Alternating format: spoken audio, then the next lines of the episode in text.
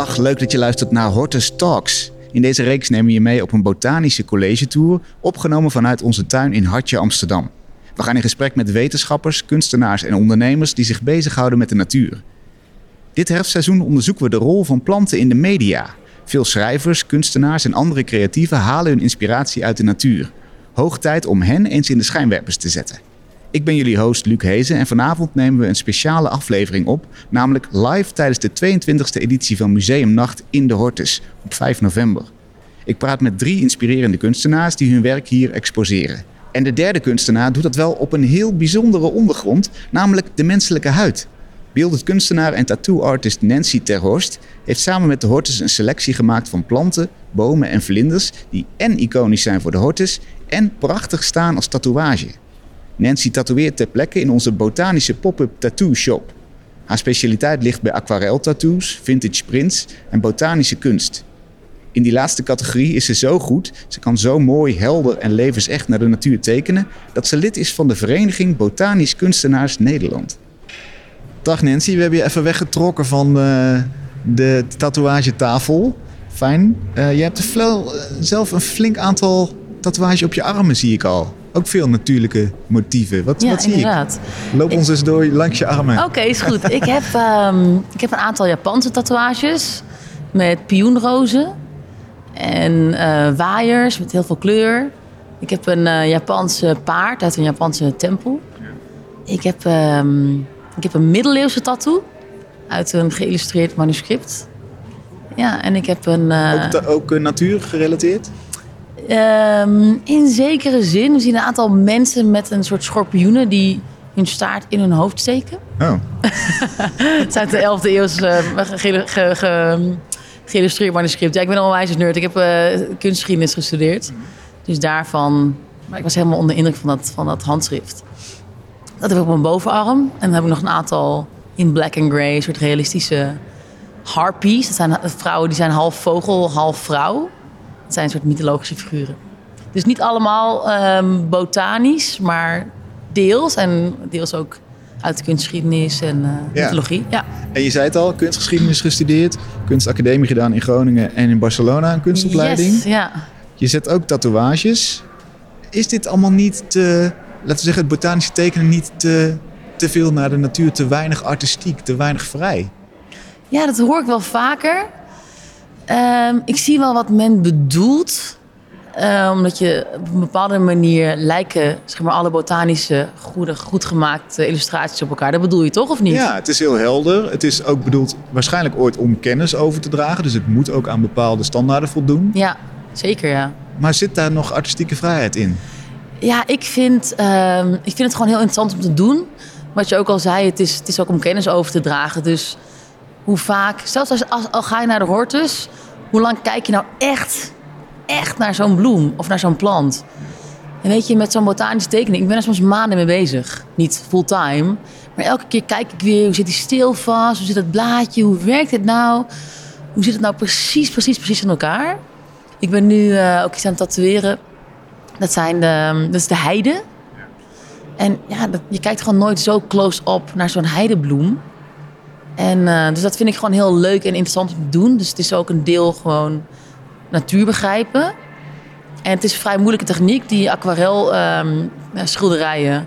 Je moet heel schoon werken. Als je één spatje op, op, je, op je blad hebt, dan heb je het gewoon al uh, verpest. Kan je opnieuw beginnen? Dus het is een soort, er zit een soort uitdaging in. Dat vind ik altijd heel leuk als ik kunst maak. En um, het, is, het is vooral een, een, technisch, soort technisch hoogstandje. Meer dan een... Um, artistiek hoogstandje.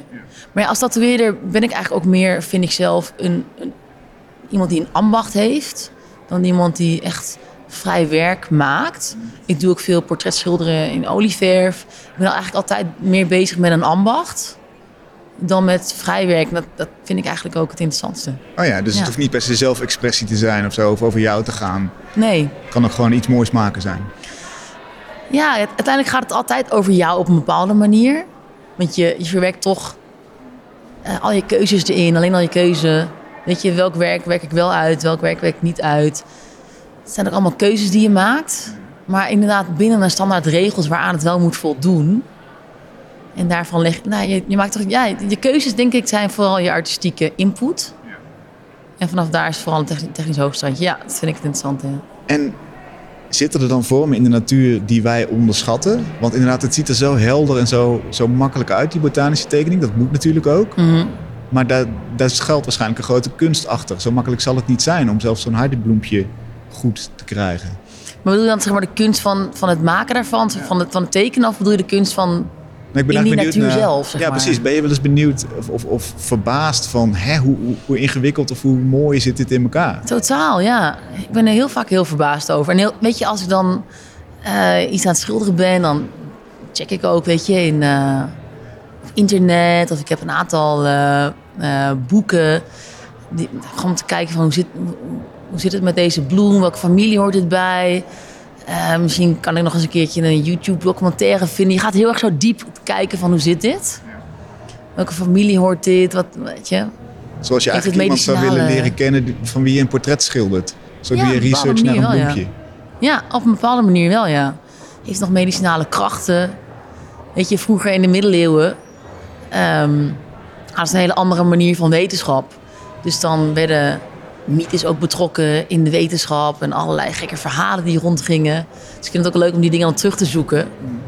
Ergens neem je het toch allemaal mee. Gewoon, weet je, ergens zeg maar wordt het een soort, soort van speciaal die bloem met al die informatie die je hebt. Dat je soms denkt van, ja, deze ga ik wel uitwerken. Dat vind ik zo tof. Dat, dat, dat krijgt dan een, daar krijg je dan een speciale band mee. Ja, zeker. Maar dan is het vooral de band, denk ik. Want een, een argeloze kijker ziet, denk ik, niet al die research, toch? In een botanische Dat is waar. Je hebt het ook over vormen. Dus ja, inderdaad, als je het dan net over vormen hebt. Sommige vormen vind ik dan inderdaad ook interessant. Ik heb een keer een blad geschilderd. En eigenlijk, als je het aan, aan, die, ehm, aan die steel ziet, is het eigenlijk helemaal niet zo interessant. Het is een vrij klein blad. Dat heb ik een aantal keer vergroot. Allemaal soort van eh, spikes aan, punten. Het zag er eigenlijk best wel punk uit. Ja. Een gifsla heet punkblad, dat. eh, ja. Maar ja, als je het zeg maar gewoon in je tuin ziet, dan denk je, nou, even de, de maaien eroverheen. Maar als je dan ja, close-up kijkt, dan zie je ineens van, wauw, wat een gave vormen. Wat grillig. Wat doet dit? Ehm, kijk je naar de volgende bladen op die stil en denk je, hey, deze vind ik eigenlijk wat minder. Dan zie je ook dat elke blad zo'n individuele vorm heeft op een bepaalde manier. Ja, misschien ga ik nu te ver, maar ik vind het, ik vind het gewoon leuk. Nou ja, dat is wat jou eraan fascineert inderdaad. Ja, te gek. En inderdaad, in die stijl zet jij vanavond een aantal tatoeages. Mhm. Welke zet je? Ehm, nou, de Hortus heeft mij een aantal planten, ehm, een lijst met planten gegeven die voor hun belangrijk is. Ja, dus classic Hortus. Ja. ja, ik- precies. Ehm, ja, ik kreeg een hele lijst met eh, dingen die hier groeien. Palmen en bloemen, dieren. Daar leef je eigenlijk ook heel veel dieren. Eh, van alles, dus kon ik uit kiezen. Dus ja, zo'n hele boom, dat kon ik gewoon niet voor elkaar krijgen nu. Dat is gewoon te groot. Dus ik heb een aantal gekozen. Ik heb een vlinder gekozen, de ehm, glasvleugelvlinder. Oké. Dus die is zeg maar bijna helemaal doorzichtig. We hebben de, de heide, had ik al eerder genoemd. We hebben de koffieplant. En we hebben Hoe de, ziet die eruit, de koffieplant? de koffieplant, dat is eigenlijk best wel een tof plantje met, eh, met witte bloempjes. Hele mooie bloempjes. En een soort dieprode bes, wat dan later die koffieboon wordt. En we hebben nog een, een blad, de philodendron. Dat is een heel mooi groen blad. Ehm, ja, dan zijn we er wel. Welke is het Oh, ik vergeet er nog eentje. Ja. Ja, we hadden er vijf. De waterlelie heb ik ook nog. De waterlelie. Ja. En de populairste is de koffieplant.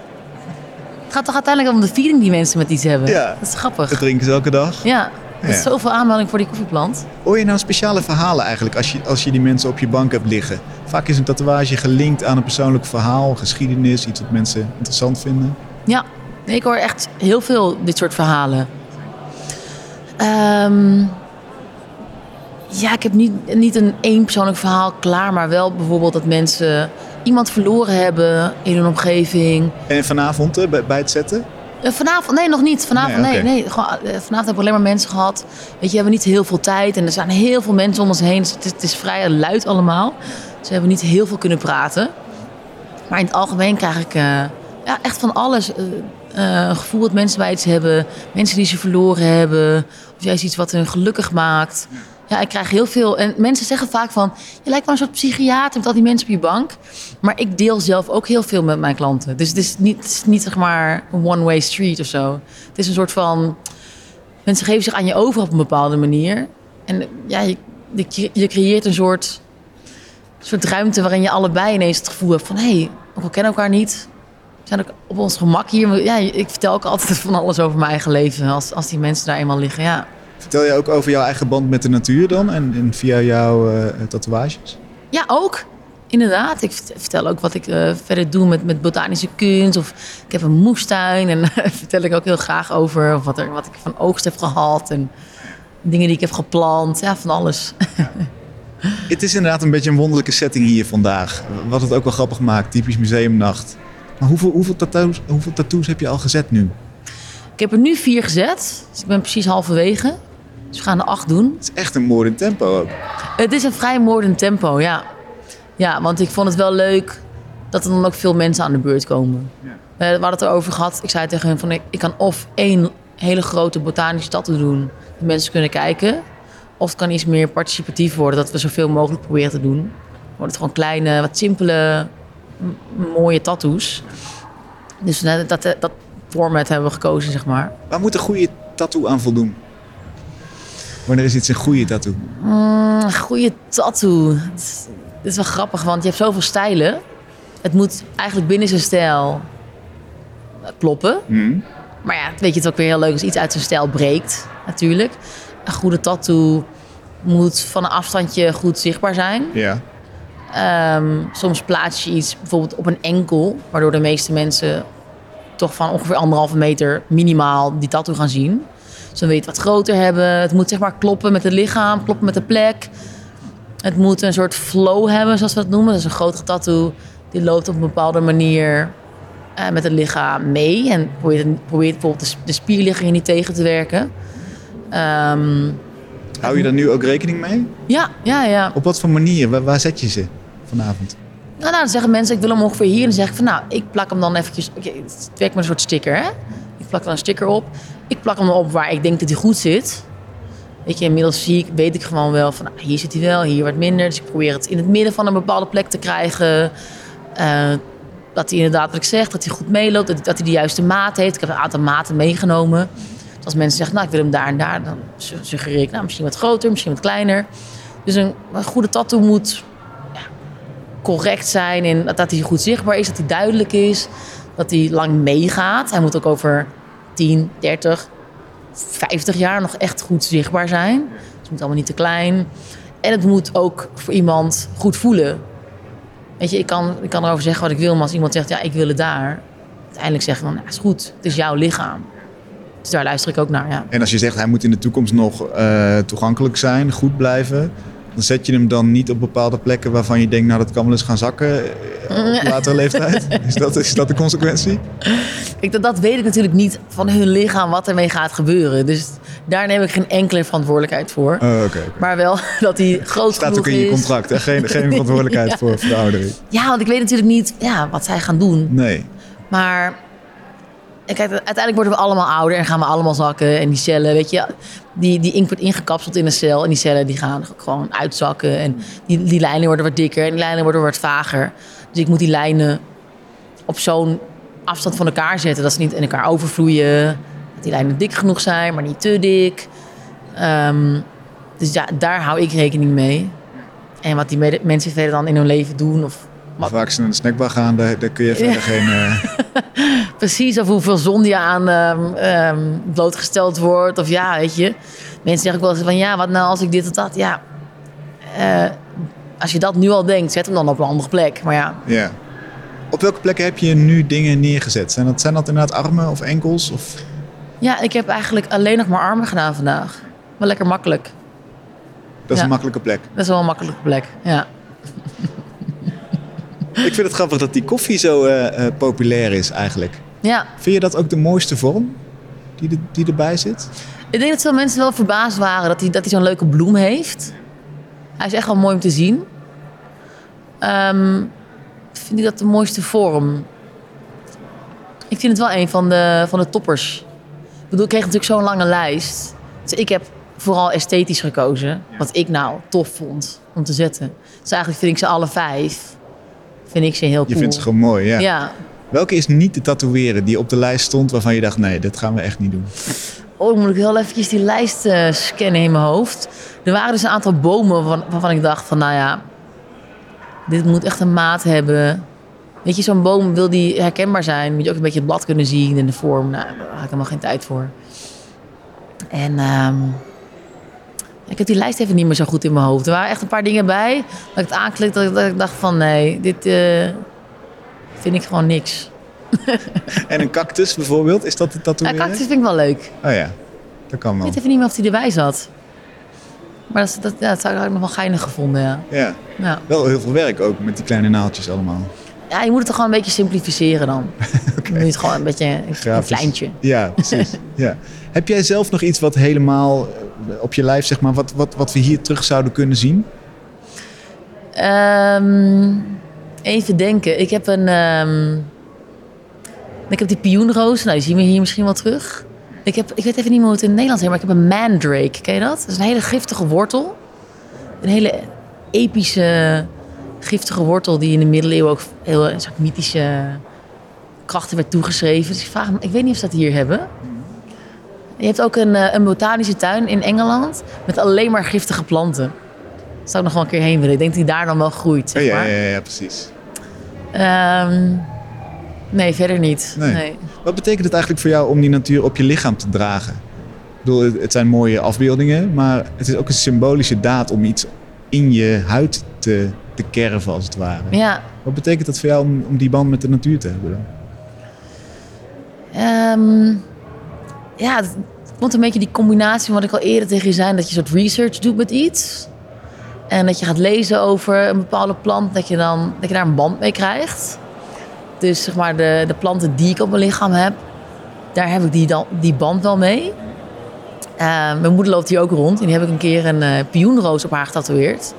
En toen kwam ik dus achter dat dat haar lievelingsbloem was. Dus nu ik die pioenrozen heb, vind ik dat heel leuk. Om te weten dat dat ook mijn moeders lievelingsbloemen zijn, snap je? Ehm, en ik denk dat, dat de meeste mensen wel op die manier... Kijk, je wat het leuke is aan zo'n bloemenstatoeage? Het is op een bepaalde manier neutraal. Weet je, als jij een eh dik met allemaal letters en weet ik veel wat... gaan mensen vaak vragen, wat betekent dit?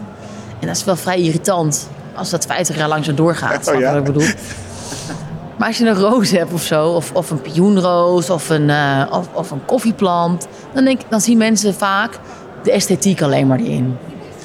Ook al weet jij dat daar een verhaal achter zit, misschien, waar jij een connectie mee hebt. Dus het is een prettige tattoo om te dragen ook. Want je hebt zeg maar, het ziet er mooi uit.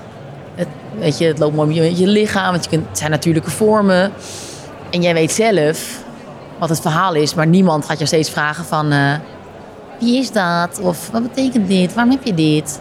Mensen accepteren het sneller. Oh, wat goed. Dus je kunt er een beetje een verborgen betekenis eigenlijk Ja. in hebben. Uiteindelijk, als je tattoos hebt, moet je ook een beetje dealen met de maatschappij. Het wordt wel steeds relaxter. Mensen zijn er meer aan gewend. Maar het is wel fijn soms dat, je, dat mensen het gewoon aannemen van... oh ja, bloemen, cool. Ja. Nou, grappig. Zo had ik er nog nooit naar gekeken, ja. Ja, Dus, dus ik denk altijd, mensen die een tatoeage zetten, die vinden het ook leuk om dat verhaal te vertellen. Maar daar zit wel een grens aan. Je, het wordt soms gewoon irritant als mensen gaan zeggen van... Hé, hey, wat heb je nou op je arm staan? Nee, het is stom vervelend om dat verhaal te vertellen. Ik, ik kijk alleen maar vanuit mijn eigen perspectief. Hè? Want je vertelt het verhaal één keer. En dan de reactie is meestal, oh. Ja, dan denk je, fuck.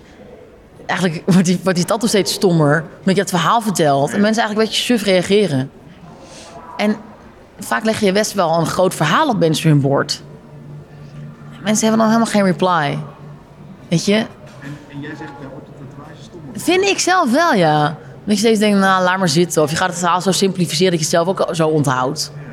Dus ik vertel dat verhaal helemaal niet Het meer. wordt gewoon afgezwakt eigenlijk, elke Ja. keer als je het vertelt. Ik wil het liever met al die nuances nog in mijn hoofd ergens hebben. Omdat ik het zo vaak heb uitgekoud... dat ik dat zelf ook op die manier heb onthouden. En hoe werkt het dan als je bijvoorbeeld iets van de natuur op je arm zet? Heb je dan, krijg je dan ook een stukje natuurgevoel, als het ware? Want dit is een hele fijne plek, je wordt je rustig van, je, je, Mhm. je ziet je schoonheid van de natuur. Is dat ook een reden waarom je een plantje op je huid zou willen hebben? Ja, misschien wel. Ja, er zijn zoveel redenen. Ik had een keer een artikel gelezen over bepaalde stammen... die bij wijze van genezing ehm, as met, met vermalen planten inbrengen in de huid. En dan zie je dus vanwege die as nog een streepje... die als een soort tattoo dan zichtbaar is. En je hebt ook een aantal mummies. Ken je die Utsi? Dat is zo'n, zo'n, die is volgens mij in uh, Oostenrijk gevonden. Een 3000 jaar oude mummie. Die heeft ook allemaal streepjes op zijn lichaam. Vaak op acupunctuurpunten. Dus vermoed wordt dat dat misschien ook iets te maken heeft met genezing... of met een soort van ja, medicijnkunst, zeg maar. Dus ik denk dat op een soort andere manier... wij in de westerse samenleving misschien ook zeg maar, er wel iets mystieks bij denken. Dat dat ons iets geeft. En wat jij zegt, misschien brengt het rust. Of misschien heeft die plant een speciale betekenis voor jou. Um, ja, weet je, ik, denk er niet zo heel vaag over altijd. Maar ik, ik weet dat er gewoon... Weet je, voordat je die beslissing neemt om tattoo te zetten... gaan er toch heel veel processen om in je hoofd. Of het nou bewust of on, onbewust is. Waardoor je het wel met je mee wil dragen op de een of andere manier. Ja. Dus ja, dat. Dat is de voorwaarde. Ja. En dan, dan lopen er nu gewoon tijdens Museumnacht mensen binnen en, en uh, ja, die willen dat ook. Ja. Wat ook best een eer is om het van, van jou te krijgen, toch? Ja, zeker. Die mensen ja. gaan wel straks de deur uit met iets voor eeuwig wat, wat op hun lijf staat, wat jij hebt gedaan. Ja, soms als ik daarover nadenk, want ik ben al 15 jaar tatoeëerder. Als ik nadenk over de bizarre hoeveelheid tatoeages die ik al gezet heb, dan duizelt me het soms echt van, oh ja, wauw. Je tekent mensen voor het mensen. leven. Ja, ja, ja.